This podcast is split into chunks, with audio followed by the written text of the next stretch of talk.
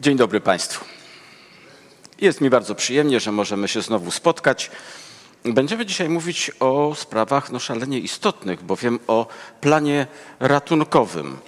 Wczoraj mówiliśmy o tym, dlaczego ratunek stał się konieczny, a dzisiaj będziemy starali się spojrzeć na ów ratunek z Bożej perspektywy, powiedzieć, czym się charakteryzuje no i co robi diabeł, żeby uniemożliwić nam skorzystanie z tego ratunku. Zanim do tego, to najpierw do Pana Boga. Łaskawy Panie Boże. Dzięki Ci składamy za kolejną możliwość otwarcia Twojego słowa. I dziękujemy, Panie, że jest w nim wszystko, czego prawdziwie potrzebujemy, żeby się umieć odnaleźć w tym poplątanym świecie.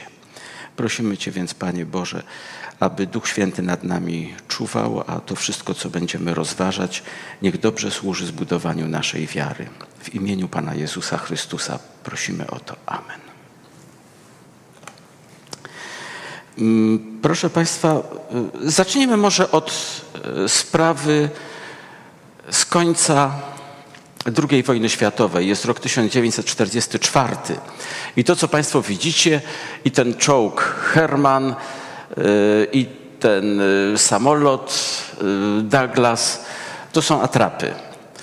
To bardzo ładnie zrobione, gumowe, dmuchane, balony po prostu, balony. I takich eksponatów wyprodukowano tysiące, a wszystko w jednym celu, żeby zmylić Niemców. Kiedy zbliżał się czas otwarcia drugiego frontu, czyli frontu zachodniego, kiedy zbliżał się czas y, potem y, lądowania aliantów w Europie Zachodniej, oczywiście sprawą podstawową było dla obu stron miejsce i czas owego lądowania. I jedni i drudzy starali się mm, przechwycić wiadomości, a więc Niemcy starali się zorientować, na kiedy zostało to wyznaczone i na jakie miejsce, a oczywiście y, alianci starali się zorientować, czy Niemcy o tym wiedzą, czy nie. A więc podchody tutaj były dosyć intensywne i bardzo ważnym elementem, bardzo ważnym elementem było nie tylko zgromadzenie wojsk, a przerzucono około półtora miliona wojsk do Anglii ale również e, równie istotnym było wprowadzenie przeciwnika w błąd. A więc, żeby się nie zorientował gdzie. I dwa najbardziej prawdopodobne miejsca lądowania aliantów to było Pas de Calais no i e, plaże Normandii. I po stronie niemieckiej wszyscy zachodzili w głowę, gdzie to będzie. Oczywiście pracowały e, wywiady obu stron. I Brytyjczycy postanowili, to było głęboko utajnione w ramach e, takiej kampanii dezinformacyjnej, sprawić wrażenie, że lądowanie jednak będzie w Pas-de-Calais. A więc stworzono wrażenie, jakoby atak na Norwegię był jedynie działaniem maskującym i odwracającym uwagę. I drugie takie wrażenie, jakie Niemcy mieli odnieść, było takie, że y, pewne przygotowania do lądowania w Normandii to też jest element odwracający uwagę. Y, cała ta operacja y, powiodła się, powiodła się, a naprawdę zaangażowanych było wiele osób w to. Y, łącznie z tym, że w pewnych miejscowościach brytyjskich pojawiali się jacyś oficerowie z rzekomo tajnych służb, którzy tam po cichutku rozpowszechniali odpowiednie informacje, tak żeby dotarły one do agentów niemieckich znajdujących się po tamtej stronie. Y, właśnie produkowano o takie gumowe całe eskadry lotnicze, dywizje pancerne były rozlokowywane tam w różnych miejscach. Nawet ślady gąsienic prowadziły do lasów, że niby to w lasach tam to wszystko jest zlokalizowane. Więc sprawa się powiodła. Powiodła się do tego stopnia, że kiedy mm, kiedy już ofensywa ruszyła i kiedy już nastąpiło lądowanie w Normandii, to upłynęło jeszcze kilka dni, zanim wojska niemieckie, dowództwo niemieckie y, przyjęło do wiadomości, że jest to faktyczny kierunek ofensywy. Bo na początku nawet uważali, że są to tylko działania pozorowane, a że lądowanie faktyczne olbrzymiej masy wojsk jednak będzie w Pas-de-Calais. No, dzięki tym dezinformacjom, nie, nie wiadomo ile, ale tysiące ludzi zostało uratowanych. I tak mówię o tym, proszę Państwa, ponieważ Jestem przekonany, że kampania dezinformacyjna w dalszym ciągu się toczy. I to na poziomie politycznym to moglibyśmy przykłady podawać łatwo, natomiast na poziomie duchowym kampania dezinformacyjna toczy się również. Ponieważ plan zbawienia, jak za chwilę się okaże, jest szalenie prosty. Szalenie prosty, a jednocześnie pewny. Pewny. Diabeł robi wszystko, żebyśmy z tego planu nie skorzystali. A oczywiście różne mogą być motywacje prowadzące poszczególnego, poszczególnych ludzi do nieskorzystania z tego planu zbawienia. Proszę Państwa, y, wczoraj mówiliśmy o tym, że ziemia, która wyszła z rąk Stwórcy, była piękna. Rzeczywiście niczego w niej nie brakowało.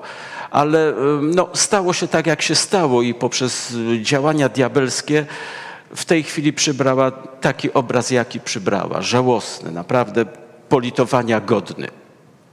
Ale y, to, y, to jest rzecz, którą wiemy, prawda? Że stało się tak, jak jest, dlatego że diabeł się wtrącił, a człowiek kupił jego ideologię. Ale zachodzi pytanie, ale skąd ta ideologia pojawiła się u szatana, prawda? U Lucyfera.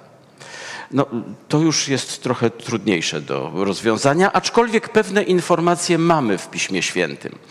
Otóż czytamy choćby w księdze Izajasza, że y, coś, co pojawiło się w jego umyśle, przybrało taki kształt. Wstąpię na niebiosa, swój tron wyniosę ponad gwiazdy Boże, usiądę na górze zgromadzeń na krańcach północy, wstąpię na wysokość, będę równy Najwyższemu. Aha, będę równy Najwyższemu. A więc to był zasadniczy cel jego działalności. No, ta myśl zakiełkowała w umyśle, rozrosła się aż do takich rozmiarów. Nie potrafimy odpowiedzieć na pytanie, jak to możliwe, że w doskonałej istocie coś takiego się stało. No, po prostu się stało i tyle. Jak przyjdzie czas, to zadamy Panu Jezusowi to pytanie, kiedy powróci. Być może wyjaśni, jeśli uzna to za słuszne. Ale to nie jest dla nas najważniejsze, proszę Państwa. Ja chciałbym zwrócić uwagę na pewien rys, który znajdujemy w drugim takim koronnym opisie szatana, bo tamten pochodził z 14 rozdziału Księgi Izajasza, a teraz sięgamy do 28 rozdziału Księgi Ezechiela. Tam również e, sylwetka szatana jest bardzo ładnie przedstawiona, znaczy ładnie, no w miarę precyzyjnie, o w ten sposób powiedzmy, bo tam ładnego to nic w nim nie ma. I czytamy między innymi. Ty byłeś cherubinem namaszczonym, osłaniającym. Postawiłem Cię, byłeś na świętej górze Bożej. Doskonały byłeś na Twoich drogach od dnia, w którym zostałeś stworzony. Więc od razu notujemy, prawda, że diabeł jest istotą stworzoną, czyli ma początek. Aż znalazła się w Tobie nieprawość. Z powodu wielkiego Twojego handlu, Twoje wnętrze napełniło się przemocą i zgrzeszyłeś. Twoje serce podniosło się z powodu Twojej piękności, z powodu swojej świetności używałeś mądrości ku złemu. Z powodu mnóstwa Twoich nieprawości i niegodziwego handlu zbezcześciłeś moją świątynię. I proszę Państwa, to na czym chciałbym przez chwilę się w tej chwili zastanowić, to dwukrotne wspomnienie handlu w tych wersetach, tu w szesnastym i w osiemnastym wersecie, prawda? Jest mowa z powodu wielkiego Twojego handlu Twoje wnętrze napełniło się przemocą, a tutaj z powodu mnóstwa Twoich nieprawości i niegodziwego handlu zbezcześciłeś moją świątynię.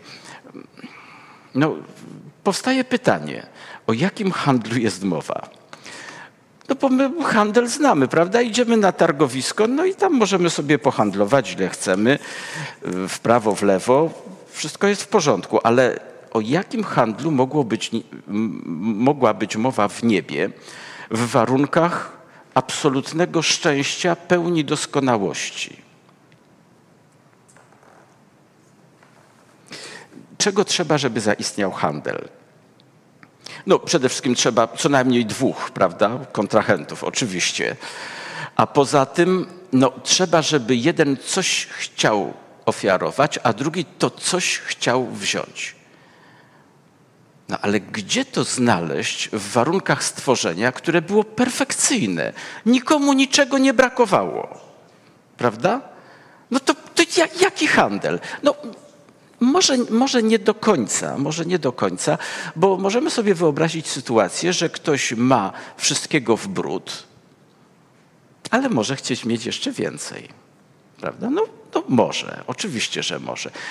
Jeśli to nie jest związane z jakąś taką porządliwością, którą obserwujemy na przykład u dzieciaczków w piaskownicy, kiedy to załóżmy jest tam pięcioro, każde ma wiadereczko i łopateczkę i sobie tam nasypują ten piaseczek, potem babeczki robią, wszystko jest cacy, dopóki któremuś nie wpadnie na pomysł, że jemu by się przydało drugie wiadereczko. Prawda? W związku z tym w związku z tym któreś tam dostaje dzieciątko w łeb i wiadereczko zostaje zabrane tamtemu, prawda? bo ten akurat potrzebuje dwa. No ale w niebie nie było takiej sytuacji, prawda? Nie było. Więc czym tak naprawdę mógł handlować diabeł? No oczywiście wykluczyć musimy wszelkie elementy materialne, ponieważ, no, tak jak wspomnieliśmy, no, dostatek był.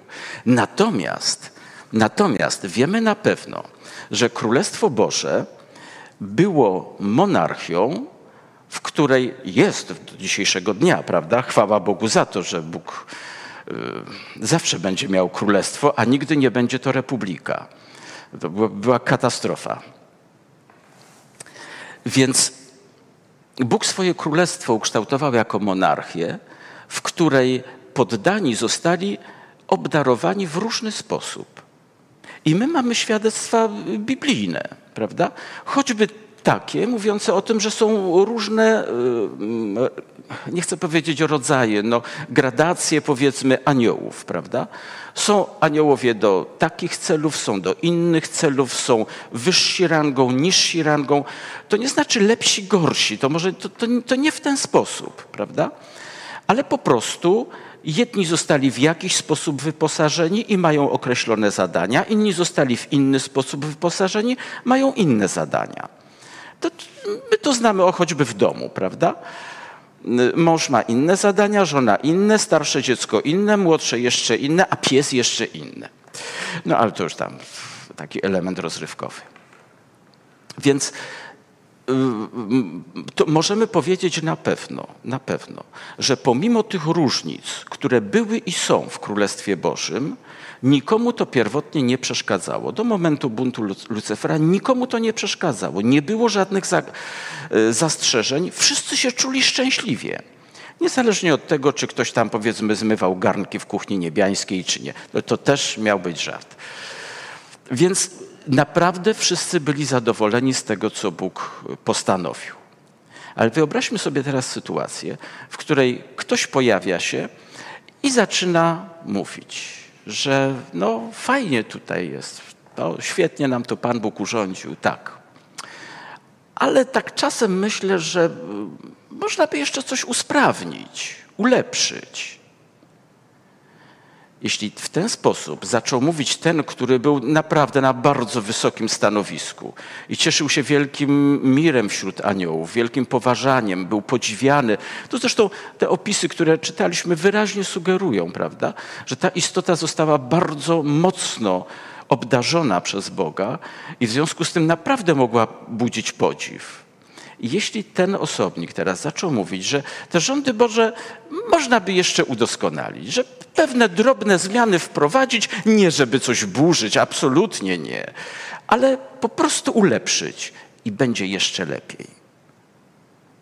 No i na przykład do tego można dodać jeszcze element. No widzicie, no, rozumiecie co mówię? Aha, nie bardzo. No dobrze. No tak, no bo ja jestem trochę lepiej wyposażony, to mnie jest łatwiej. Widzicie, gdyby, gdyby wszyscy byli tak samo wy, wyposażeni, prawda? choćby biorąc pod uwagę te względy intelektualne, to łatwiej by nam się było dogadać, lepiej byście rozumieli, co mam na myśli. O.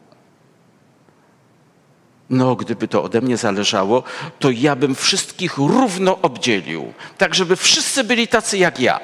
Chcielibyście? A, to dopiero by było. Proszę bardzo. Proszę Państwa, popatrzmy, jakie idee się tutaj pojawiają. Prawda? Jakie idee się pojawiają? Poprawić doskonałość, o, proszę bardzo, Bożą doskonałość, prawda? Mało tego, zrównać wszystkich, wszyscy równo, wszyscy tak samo. No to do tego jeszcze można dodać jeden element, bo przecież jakby tak wszyscy byli równo wyposażeni, a wszyscy jesteśmy stworzeniami Bożymi, wszyscy jesteśmy doskonali, to przecież nie musielibyśmy w ogóle mówić o prawie, wszystko by szło doskonale. My, jako istoty stworzone przez Boga, tak naprawdę nie potrzebujemy prawa, bo my prawo wypełniamy w sposób automatyczny. Uhuhu. Uhuhu. Proszę popatrzeć. Wszyscy byli szczęśliwi, dopóki nie została im zaszczepiona myśl, że mogą być jeszcze szczęśliwsi, że czegoś im brakuje, prawda? I że to coś można zdobyć. W chwilę potem Ewa się na to da nabrać, prawda? Że nie wystarczy, że jest dzieckiem Bożym, ale może być jak Bóg. Proszę zauważyć tą ideę, która e, zakwitła w umyśle szatana, on zaszczepia innym, między innymi Ewie. I nagle się okazuje, że człowiek, który się daje na to złapać, który chce być jeszcze lepszy niż został przez Boga stworzony, ląduje gdzie? Ląduje jako Boży przeciwnik, jako ten, który ucieka przed Bogiem, chroni się przed nim, stara się schować. Prawda?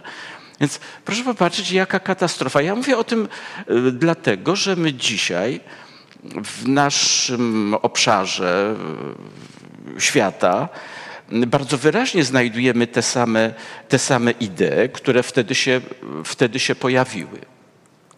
Te same idee. A więc y, ukrywania faktycznych zamiarów przez różne osoby, wprowadzenia idei udoskonalenia rządów. Proszę zauważyć, że y, nieustannie mówi się o rewolucji, takiej, siakiej czy innej. Wszędzie rewolucja, rewolucja. Ja pamiętam, jak y, byłem jeszcze dzieckiem i słyszałem te przemówienia tasiemcowe, które mówiły, że właśnie stale jesteśmy w trakcie rewolucji, to tak myślałem po cichutku, bo to głośno nie wolno było wtedy mówić o tym, ale myślałem po cichutku, jak to będzie, jak ta rewolucja się skończy. I jak już my wszyscy będziemy no, mieli to, o co chodzi w tej rewolucji, to wtedy się wydawało, że będzie dobrze, prawda? Kiedy to się skończy? A tu nie ma końca. Ta rewolucja okazuje się wciąż trwa. Myśmy mieli złudzenie, że ona zamarła. Nic podobnego. Rewolucja komunistyczna trwa i w tej chwili ma się bardzo dobrze. Na szczęście my mamy proroctwa, które pozwalają nam się nie bać finału i wiemy, że ta rewolucja splajtuje, ale na razie osiąga sukcesy. Prawda? A więc mamy tutaj przypisanie znaczenia pewnym różnicom. Ty jesteś taki anioł, a ty jesteś taki anioł, a ty. To nie tak. Powinna być urawniłowka, prawda? Wszyscy tak samo. Oho, to my niektórzy pamiętają, co to się stało, jak wszystkim odebrano, prawda? Żeby wszystkim dać. Jak powiedziano, że to wszystko jest Twoje, prawda, robotniku. Tylko jak robotnik chciał zabrać, no bo jak moje, no to ja sobie mogę wziąć. O, to tam już mu pokazano, gdzie pieprz rośnie, prawda? No i wreszcie ta kwestia zanegowania konieczności posłuszeństwa prawu pod szyldem wolności. I kiedy, kiedy tamci dali się na to złapać, a potem ludzie i do dzisiejszego dnia ludzie się dają łapać na fałszywie pojętą ideę wolności. Wszystko ci wolno, człowieku. Prawda? To ty jesteś Panem. Nikt ci nie będzie mówił, żaden Bóg, ani tam żaden inny. Ty jesteś Panem. Ty rób co chcesz. To jak człowiek kończy z taką ideą? Kończy jako istota zniewolona czy to przez nałogi, czy przez inne sprawy, czy przez drugiego człowieka. Taka idea wolności, która lansuje de facto anarchię, doprowadza człowieka do zniewolenia. No i tu jeszcze właśnie jest ten element wiary w możliwość przemiany monarchii Bożej w demokrację. Ja już nie będę się pastwił teraz nad demokracją, bo robiłem to kilkakrotnie przy okazji innych spotkań, to może tym razem sobie daruję. Proszę Państwa, kiedy patrzymy na mm, plan zbawienia, na plan zbawienia, to trzy elementy chciałbym bardzo wyraźnie teraz wyeksponować. Pierwszy znajdziemy w tym tekście, który już wczoraj był wspominany, a pochodzi z pierwszego listu Piotra. Napisał apostoł: Zostaliście wykupieni drogą krwią Chrystusa jako baranka niewinnego i nieskalanego, przeznaczonego przed założeniem świata. Baranek przeznaczony do swojego dzieła, do swojej roli przed założeniem świata. Czyli Bóg nie był zaskoczony faktem pojawienia się grzechu, tak jak to w niektórych wspólnotach wyznaniowych się słyszy czasem. Bóg nie był zaskoczony. Boga nie można zaskoczyć, prawda? Y, I baranek był przygotowany. My to widzieliśmy już wczoraj, prawda? Z chwilą, kiedy Adam z Ewą zdecydowali się na grzech i powinni natychmiast włączyć, to zamiast śmierci natychmiast został włączony plan zbawienia. Prawda? I oni nie umarli, bo już został plan zbawienia uruchomiony, oparty na baranku. Drugi element z listu do Efezjan, gdzie czytamy, że Bóg wybrał nas przed założeniem świata. O, wybrał nas przed założeniem świata. A więc nie tylko wiedział, że się pojawimy na ziemi, ale my już zostaliśmy przeznaczeni do Jego królestwa. Wybrał nas. Czyli Bóg wybrał ratunek w baranku, wybrał e, mieszkańców do swojego królestwa i co jeszcze? No jeszcze zerkniemy do tekstu z Ewangelii Mateusza. Chodźcie, błogosławieni mego Ojca, odziedziczcie królestwo przygotowane wam od założenia świata. To proszę a więc i królestwo wybrane. Wszystkie trzy elementy. No, nic tylko zachwycić się i dziękować Bogu. Dziękować za to Jego uprzednie przygotowanie do tej całej tragedii, jaka zaistniała. Wspominaliśmy wczoraj o tym, że tak naprawdę Ewangelia jest jedynym sposobem zbawienia, ratunku człowieka. I cały plan ewangeliczny został nie tylko przez Boga ułożony wcześniej, ale wdrożony od razu po grzechu. W związku z tym i w czasach starotestamentowych, i w czasach nowotestamentowych ludzie są zbawiani dokładnie w ten sam sposób. Czyli w oparciu o łaskę Bożą, którą przyjmuje się wiarą, i w ten sposób człowiek doznaje przebaczenia. A wszystko to oczywiście opiera się na ofierze Chrystusa złożonej na Golgocie. Ci w czasach starotestamentowych patrzyli na to jako na perspektywę, pewną przyszłość. My patrzymy jako na przeszłość, na coś, co się stało. Ale jedni i drudzy, i oni, i my potrzebujemy wiary, która pozwoli zaufać, że to dzieło jest wystarczające. Proszę Państwa, chciałbym, żebyśmy teraz mm, zajrzeli przez chwilę mm, do 12 rozdziału Księgi Objawienia do 12 rozdziału, ponieważ tam opisana jest pewna perspektywa, e, właśnie nawiązująca do planu zbawienia. Czytamy tam, e, że zrzucony został wielki smok, wąż starodawny, którego nazywają diabłem i szatanem, który zwodzi cały świat. Zrzucony został na ziemię i jego aniołowie z nim zostali zrzuceni. I usłyszałem donośny głos w niebie. Teraz nastało zbawienie i moc i królestwo naszego Boga i władza Jego Chrystusa, gdyż zrzucony został oskarżyciel naszych braci, który dniem i nocą oskarżał ich przed naszym Bogiem. Dlatego cieszcie się niebiosa i wy, którzy w nich mieszkacie. Biada mieszkańcom ziemi i morzu, gdyż zszedł do was diabeł pałający wielkim gniewem, wiedząc, że ma niewiele czasu.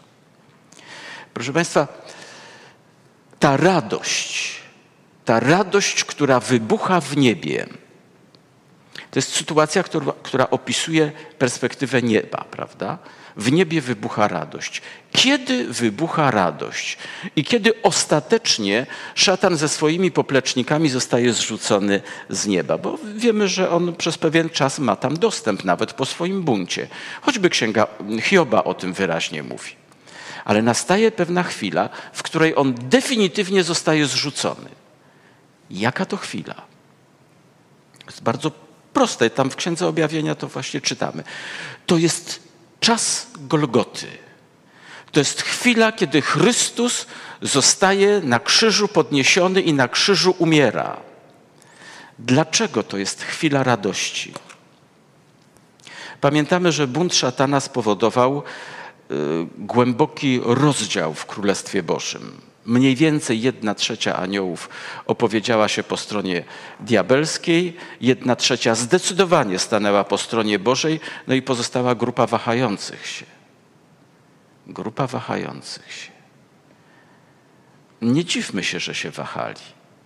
Diabeł naprawdę jest świetnym intelektualistą i potrafił w taki sposób przedstawić swoje kuszenie, że wydawało się ono, przynajmniej na początku, nie jako bunt wobec Boga, ale jako wielkie dobrodziejstwo.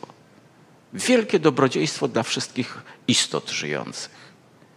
W związku z tym, no, no dlaczego? No może by bodaj spróbować, zobaczyć jak to wygląda.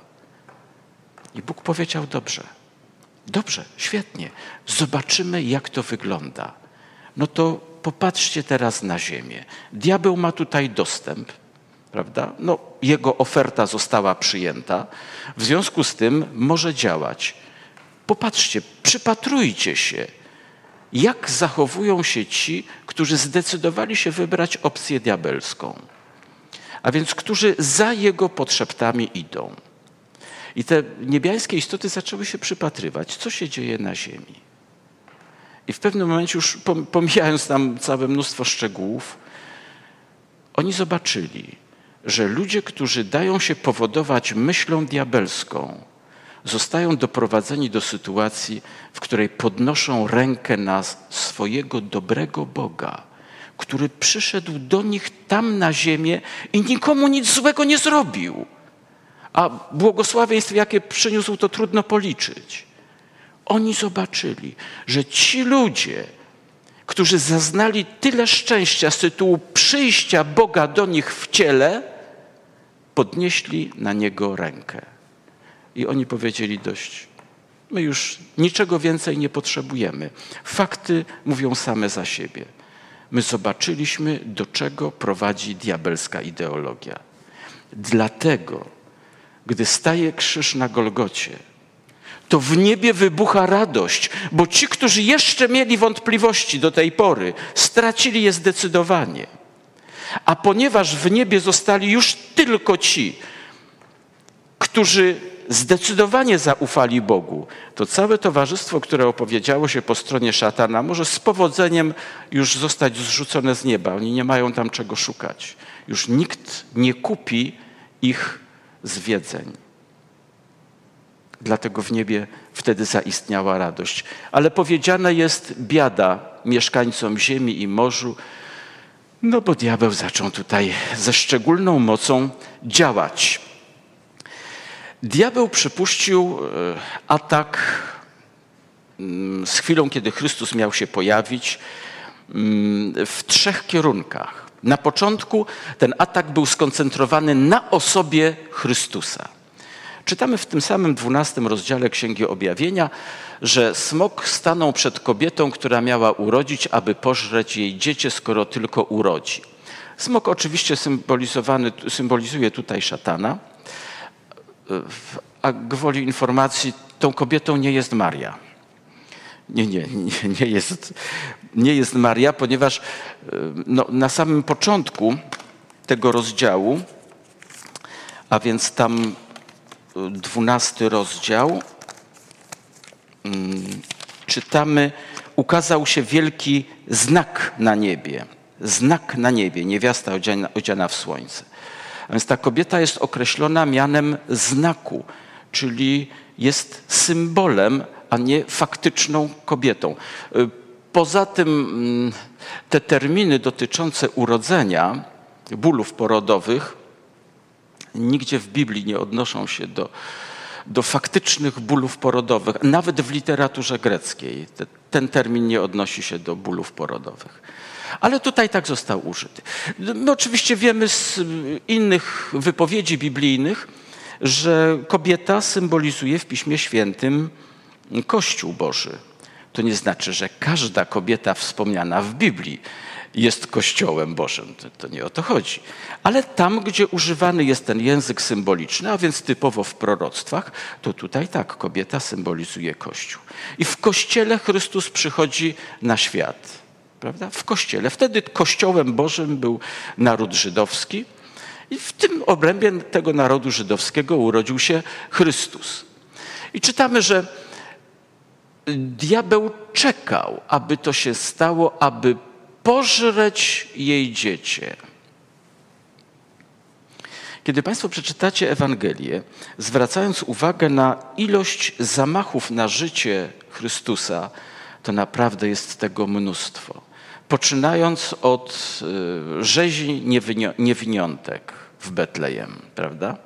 którą zgotował Herod poprzez szereg innych wydarzeń. Ja tutaj z Ewangelii Janowej tylko wynotowałem ileś tam sytuacji, w których wprost jest powiedziane, że Chrystusowi groziła utrata życia, że chciano go strącić ze skały, ukamienować i tak.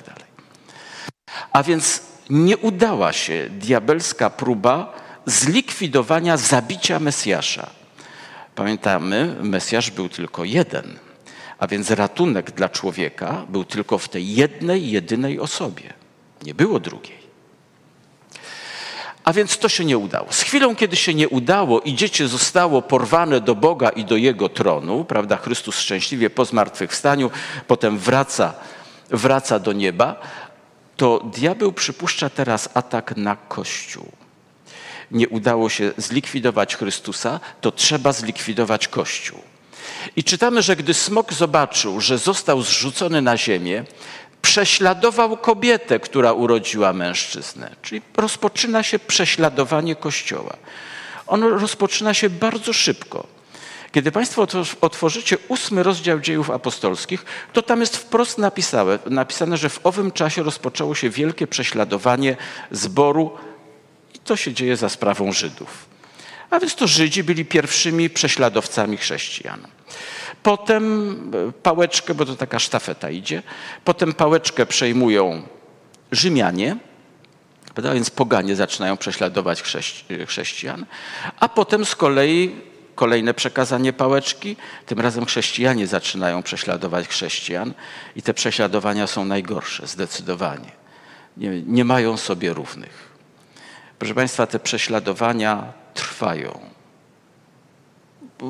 różne, nie tylko chrześcijan przez chrześcijan, ale różne. I oficjalne statystyki y, dzisiaj, podawane przez rozmaite organizacje, y, również i przez y, agendy Organizacji Narodów Zjednoczonych, mówią, że chrześcijanie są grupą wyznaniową najbardziej dzisiaj prześladowaną na świecie. Jest najwięcej ofiar po stronie chrześcijan. Czy kogoś to przeraża? Czy ktoś się tym przejmuje?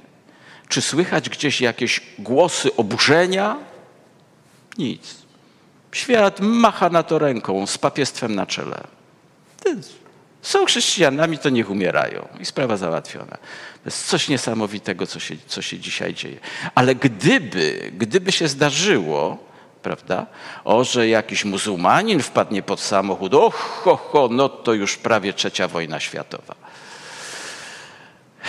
A więc czytamy, że smok prześladował kobietę, która urodziła mężczyznę. Ale Bóg znalazł ratunek. I dano kobiecie dwa skrzydła wielkiego orła, aby leciała na pustynię, na swoje miejsce z dala od węża. Będziemy jeszcze w czasie następnych spotkań wracać do tej myśli, jaki to ratunek został przygotowany przez Boga dla Kościoła. Tu tylko sygnalizujemy to, że ten ratunek został przygotowany został przygotowany. I wreszcie dochodzimy do e, punktu kulminacyjnego 12 rozdziału. Kiedy to ta cała e, długowieczna lista prześladowań dobiega końca, kiedy mija średniowiecze, prześladowania e, trwają dalej zresztą, nie, nie kończą się w średniowieczu, ale kiedy to wreszcie się kończy, szatan przypuszcza atak na pewną grupę, którą Biblia określa mianem resztki albo ostatków. To można takie i takie wyrażenie spotkać. czytamy, że rozgniewał się smok na kobietę i odszedł, aby walczyć z resztą jej potomstwa, które zachowuje przykazania Boże i ma świadectwo Jezusa. Bóg zawsze miał swoją resztkę. Zawsze miał ludzi, którzy nie liczyli się z kosztami swojej wiary i którzy Słowo Boże cenili wyżej niż własne życie. Zawsze tacy ludzie byli. I oni zawsze byli w mniejszości. I do dzisiejszego dnia Bóg ma ludzi, którzy prawdziwą biblijną wiarę cenią bardziej niż swoje życie. Przeciw nim skierowane jest główne ostrze diabelskiego ataku. Dlaczego? Dlaczego akurat jest mowa o przykazaniach i o wierze Jezusa? No, wiarę może zostawmy w tej chwili, ale kwestia tych przykazań. Dlaczego o przykazania chodzi? Ano, czytamy takie piękne wypowiedzi. Chrystus stwierdził: Jeśli mnie miłujecie, moich przykazań będziecie przestrzegać. Widzimy więc wyraźnie, że przykazania pełnią, przynajmniej w tej wypowiedzi, pełnią funkcję wskaźnika. Prawda? Jeśli mnie kochasz, to to się ujawni. My to doskonale znamy z tego, jak mąż traktuje żonę, żona męża, jak rodzice dzieci, prawda? I jeśli ty mnie kochasz, to ty się będziesz odpowiednio zachowywał, będziesz odpowiednio postępował. Więc Chrystus podaje tutaj kwestię przykazań jako pewien wskaźnik, żeby każdy się mógł zorientować, czy ja rzeczywiście Boga kocham, czy tylko gadam, że kocham. No bo gadaczy dzisiaj jest mnóstwo. To bowiem jest miłość Boża, abyśmy Jego przykazania strzegli, a Jego przykazania nie są ciężkie. To Jan napisał, no, dzisiaj nie wiem, czy by mu pozwolono to powtórzyć, bo przecież w koło słychać głosy, że tego się nie da przestrzegać, że to jest takie ciężkie. A on mówi, że nie, że wcale nie. Dlaczego sprawa przykazań jest tak istotna, chociaż one nie dają zbawienia? Bo mówiliśmy, prawda, zbawienie jest z łaski, a nie za przestrzeganie przykazań. Zbawienie nie jest nagrodą za posłuszeństwo. Otóż już choćby z tego prostego zestawienia widzimy, że przykazania, czyli prawo innymi słowy, jest opisane takimi samymi cechami jak istota Boga. Prawo tak jak i Bóg jest sprawiedliwe, doskonałe, święte i tak.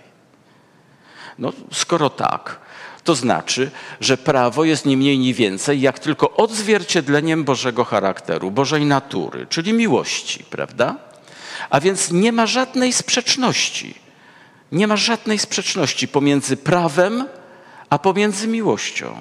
O zgrozo dzisiaj świat, chrześcija, świat chrześcijański, ten orientacji protestanckiej, mówi zupełnie coś innego. Że można kochać w ogóle nie licząc się z prawem. Prawda? Czy postępując wręcz wbrew prawu.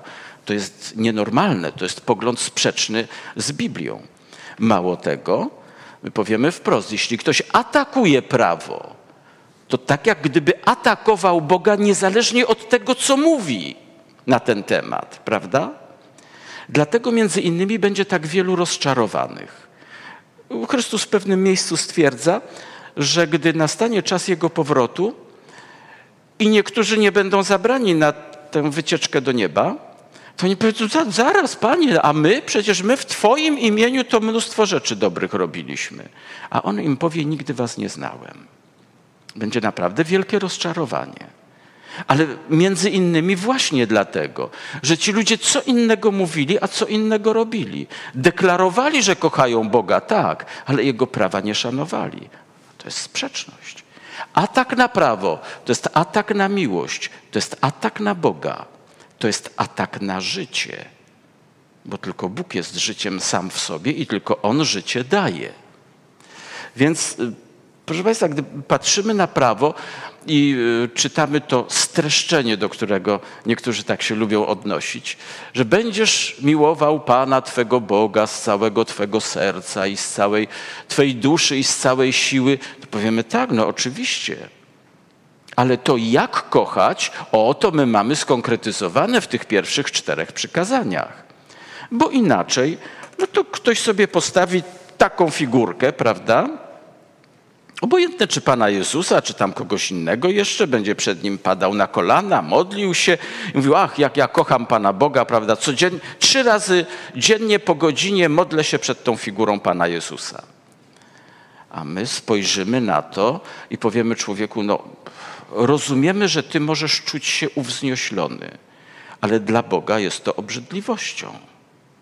Prawda? Bo Bóg powiedział, jak życzy sobie być kochanym. Bardzo wyraźnie powiedział. Tak samo mamy i to drugie streszczenie, do którego znów świat protestancki uwielbia się odnosić. Będziesz miłował swego bliźniego jak siebie samego, więc już nic więcej nie potrzeba. No dobrze, nic więcej nie potrzeba. To co to znaczy? A to znaczy, że można robić co się chce, prawda? I dzisiaj na przykład y, jest potężny ruch, potężny ruch, który łamie łamiesz siódme przykazanie, nie cudzołóż, prawda? Z premedytacją łamie i mówi, że kocha, że to jest miłość. A my popatrzymy na ten zapis mówimy, nie, nie, kochani, to wy mówicie, że to jest miłość, ale z Bożej perspektywy to nie ma nic wspólnego z miłością, to jest grzech. Prawda? Więc popatrzmy, my naprawdę potrzebujemy dzisiaj takiego dobrego spojrzenia, żeby się nie dać nabrać. Tak jak wtedy Niemcy dali się nabrać na te atrapy samolotów, czołgów, prawda? Spojrzeli na to, na zdjęcia, na raporty i powiedzieli, tak, to jednak tu nastąpi ten atak. Nie, nie, atak nastąpił gdzie indziej. I dzisiaj diabeł robi wszystko, żeby w podobny sposób wyprowadzić nas w pole. Podsunąć jakąś podróbkę, my to łykniemy, ale skutki tego są katastrofalne. Proszę Państwa, wiem, że niektórzy nie lubią prawa. No, nie lubią, bo to jest pewien rygor, to jest pewien nakaz, i, a oni mówią, nie, to uwiera, ja się w tym źle czuję. My nie musimy na prawo patrzeć koniecznie jako na e, suchy, bezduszny normatyw, prawda? A więc na coś, co wymaga ode mnie nieustannie czegoś. Ja tutaj wypisałem zaledwie dziesięć innych spojrzeń na prawo, Wszystkie zaczerpnąłem z Psalmu 119, ale jest więcej. Jest, jest jeszcze co najmniej kilka spojrzeń na prawo i możemy na nie popatrzeć na przykład jako na źródło wolności. Kiedy prawo przychodzi, ono mnie uwalnia. A od czego mnie uwalnia? A na przykład od nałogów. Prawda? Mówi nie, ty jeśli się opowiesz po stronie Bożej, ty nie będziesz tego robił. Prawo jako źródło mądrości, proszę bardzo, a źródło pokoju. Jak człowiek postępuje zgodnie z prawem i nie bierze łapówek, to on naprawdę śpi spokojnie. No a ci inni. Więc, proszę Państwa, na prawo na, naprawdę można spojrzeć z różnych stron. I nie sposób powiedzieć, że tylko jedna strona jest właściwa. Nie. One wszystkie sprawiają, że prawo nabiera e, naprawdę wspaniałego kształtu i staje się obiektem pożądania. No, do tego musimy dodać jeszcze jeden element.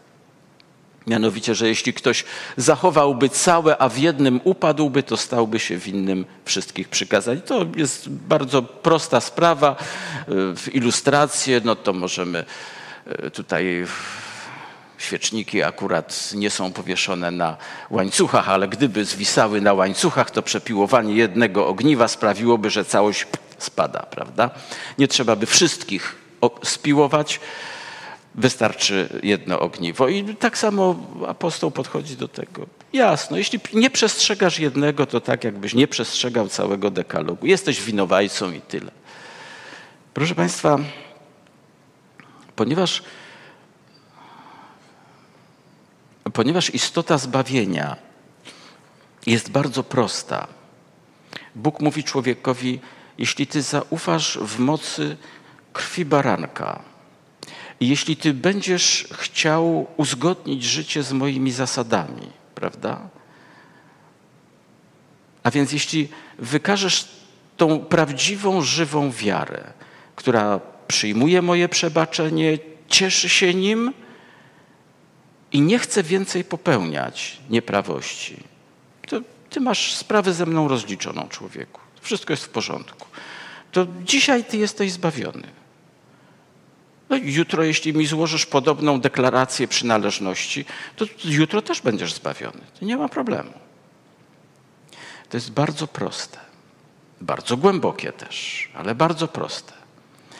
I ponieważ diabeł zdaje sobie z tego sprawę, a jednocześnie wie, że jest istotą przegraną, to koncentruje teraz całą uwagę na tym, żeby nas tego zbawienia pozbawić, żeby nas po prostu zniszczyć. I na początku przez długie wieki epoki chrześcijańskiej niszczył bardzo dokładnie.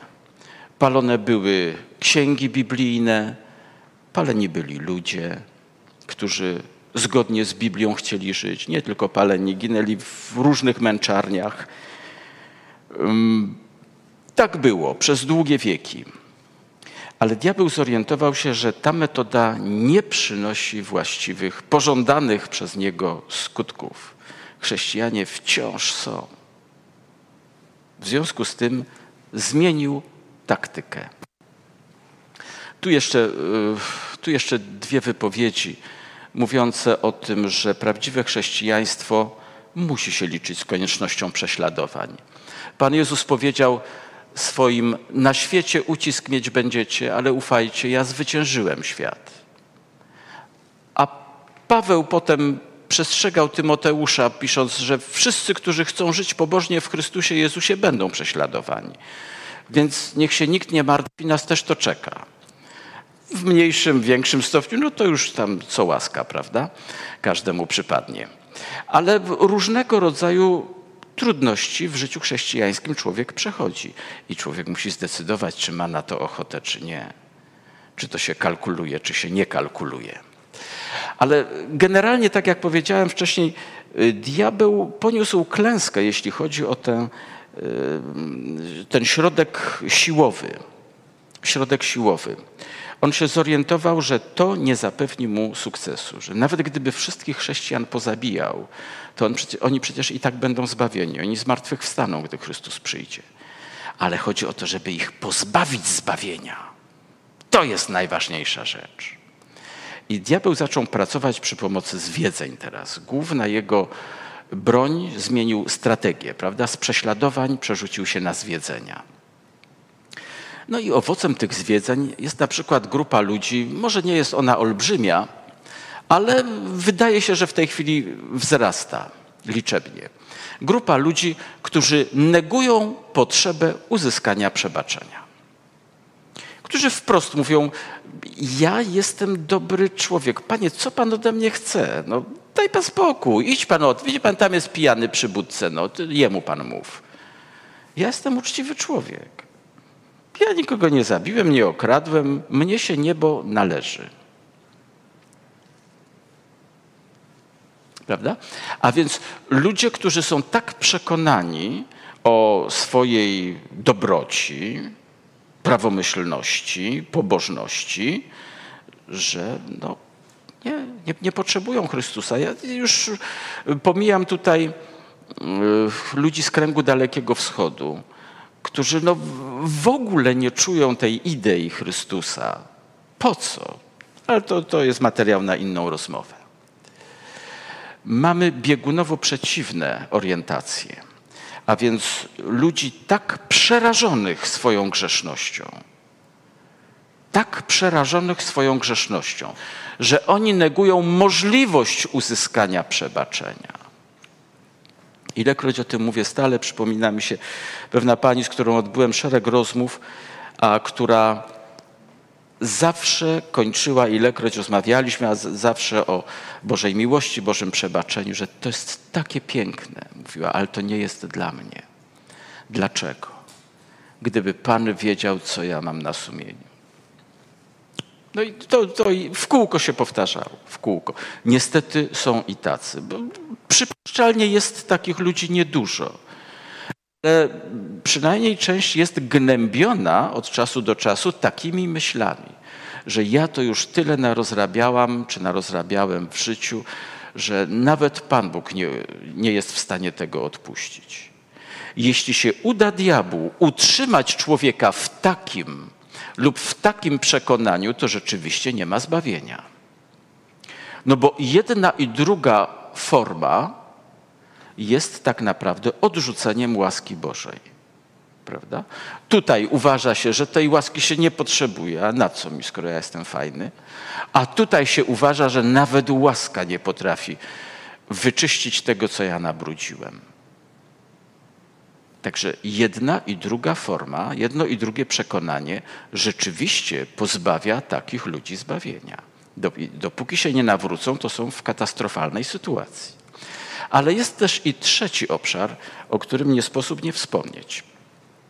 To jest zmiana Bożych zasad wybaczania. Bożych zasad wybaczania. Tak jak Bóg dał instrukcję obsługi ziemi, instrukcję obsługi ustroju człowieka, prawda? Tak samo dał instrukcję korzystania z Bożej łaski a więc instrukcję korzystania z Bożego y, przebaczenia i to jest bardzo konkretny przekaz. Co my tutaj mamy? W jaki sposób te kwestie dotyczące Bożego przebaczenia mogą być wypaczone? Ano na przykład poprzez negację prawa. No to już wspominaliśmy przed chwilą, prawda, że są chrześcijanie, którzy mówią, że prawo to jest przeżytek, to Żydzi mieli go przestrzegać, a my jesteśmy wolni tutaj w Chrystusie, prawda? Aleluja i wszystko jest w porządku. No, jeśli skreślamy prawo, to tak naprawdę nie ma mowy o nawróceniu, nie ma mowy o rozliczeniu się z Panem Bogiem. Jak chcemy zdefiniować choćby grzech, prawda, bez prawa? Tego się nie da zrobić. No ale pomimo takich oczywistości są tacy, którzy prawo skreślają. Równie chyba szeroka, znaczy liczebna jest grupa tych, którzy w prawie grzebią i prawo modyfikują. No, oni też mają swoje argumenty, prawda? Mówią, że to za ciężkie, że to takie stare, że nie przystaje do współczesności i troszeczkę by tam je tak ponaciągać z lewa, z prawa i wtedy jakoś się w ten garnitur Bożej pobożności wbijemy. Co ciekawe, przede wszystkim, jeśli już mowa o modyfikacjach, to przede wszystkim y, dotyczą one czwartego przykazania, czyli tego, które mówi o świętości soboty, prawda? I tutaj świat chrześcijański zgodnie pracuje ręka w rękę, niezależnie od tego, jakiej maści, żeby tylko wybić chrześcijanom z głowy konieczność przestrzegania świętości soboty. Nie, nie, będę w tej chwili powtarzał tych argumentów, bo nie ma na to czasu, ale do tego jeszcze wrócimy. Prawda? Jeśli człowiek rozlicza się z Bogiem według zmodyfikowanego prawa, to znaczy chce się rozliczać z Bogiem według falsyfikatu. A to zawsze grozi śmiercią lub kalectwem. Dlaczego? No bo wtedy ten człowiek przeprasza Boga za coś, co nie jest grzechem, a jednocześnie nie przeprasza za coś, co jest grzechem. Prawda? Jeśli mamy zmieniony standard, to my mamy zupełnie zaburzone pojęcia dotyczące prawości i grzechu. Jeśli według tego zmienionego standardu chcemy się z Bogiem rozliczyć, to absolutnie się nie rozliczymy, bo Bóg nigdy czegoś takiego nie uzna. Więc proszę popatrzeć, tutaj się diabłu naprawdę udają pewne figle i no, trzeba przyznać, że sprytnie to sobie wymyślił. Ale jest jeszcze jedna sztuczka. Jest jeszcze jedna sztuczka, którą zrobił. Powiedział, jeśli już nawet jeśli już nawet nie można ci wybić z głowy tego prawa, jeśli nawet nie można ci wybić z głowy tego prawdziwego prawa Bożego, to przynajmniej zrobi wszystko, żebyś miał zły stosunek do tego prawa. A więc na przykład, żebyś zaczął go traktować jako sposób na zbawienie. Tak jak ten faryzeusz, którego Pan Jezus wskazał, mówiąc o faryzeuszu i celniku, jako dwóch, którzy weszli do świątyni, aby się modlić. Prawda? I ten faryzeusz zaczął wyliczać swoje zasługi. No właśnie, dokonania zgodne z prawem. To były chwalebne rzeczy, ale on przedstawiał je Bogu jako argument na rzecz zbawienia. I powiedział, Panie Boże, znaczy nie, nie powiedział, ale w domyśle to było adresowane do Pana Boga. Ja powinienem być zbawiony, mnie się to po prostu należy. Ja jestem taki fajny człowiek. A celnik tylko bił się w piersi i mówił, Boże, bądź miłościów mnie grzesznemu. I Chrystus, I Chrystus powiada, ten poszedł usprawiedliwiony do domu swego, ten celnik. Tamten zaś nie. I teraz, proszę Państwa, jeśli Chrystus mówi, że ten faryzeusz nie poszedł usprawiedliwiony, to co to oznacza w praktyce? Że on odszedł ze swoimi grzechami. Poszedł nieusprawiedliwiony. On poszedł ze swoimi grzechami. Jeśli się nie opamiętał i w takim stanie zakończył życie, to ja bym nie chciał być w jego skórze. Więc proszę popatrzeć, to legalistyczne podejście do prawa, do prawdziwego prawa, może być zgubą człowieka. Nie dlatego, że prawo jest złe, tylko że człowiek traktuje posłuszeństwo jako sposób na osiągnięcie zbawienia. Należy mi się, Panie Boże, bo ja jestem grzecznym, posłusznym Jasiem. Więc proszę mnie tam do nieba ciupasem. Ale jest jeszcze inna forma, prawda? Jest forma lekceważenia tego prawdziwego prawa Bożego. Niestety też to jest udziałem, y, udziałem niektórych chrześcijan, którzy mówią, że Bóg jest tak cudowny, tak wspaniały, że jeśli nawet my sobie będziemy pozwalali tam na różne mniejsze, większe uchybienia w stosunku do prawa, to on i tak na koniec przymknie oko i powie, dobra dzieci, no no rozumiecie, no ja musiałem być surowy tam, no bo przecież byście tam po drzewach jak małpy chodzili. A tak to tam musiałem czasem trochę tupnąć nogą, ale ja was wszystkich kocham. Chodźcie jak tam, co do jednego do nieba. Nie. Liberalizm to jest taka sama plajta jak legalizm. Dokładnie taka sama. Jeśli ktoś temu się oddaje, to niech zapomni o zbawieniu, a jeszcze lepiej niech czym prędzej takie stanowisko porzuci. Więc proszę Państwa, proszę popatrzeć jeszcze raz. Zbawienie jest piękne i proste, ale diabeł jest wielkim spryciarzem i potrafi człowiekowi dzisiaj zamieszać w głowie tak, że ten może być przekonany o tym, że jest z nim wszystko w porządku, a będzie na przegranej pozycji. Jak bardzo potrzebujemy dzisiaj czytać Słowo Boże, naprawdę wnikać w nie, poświęcać mu czas, prosić Boga o zrozumienie i nie dać się zbałamucić żadnym chwytliwym teoriom. Proszę Państwa, dzisiaj e, nasza przestrzeń jest wypełniona hałasem i chaosem. Jest tylu ludzi, którzy wygłaszają najrozmaitsze przekonania.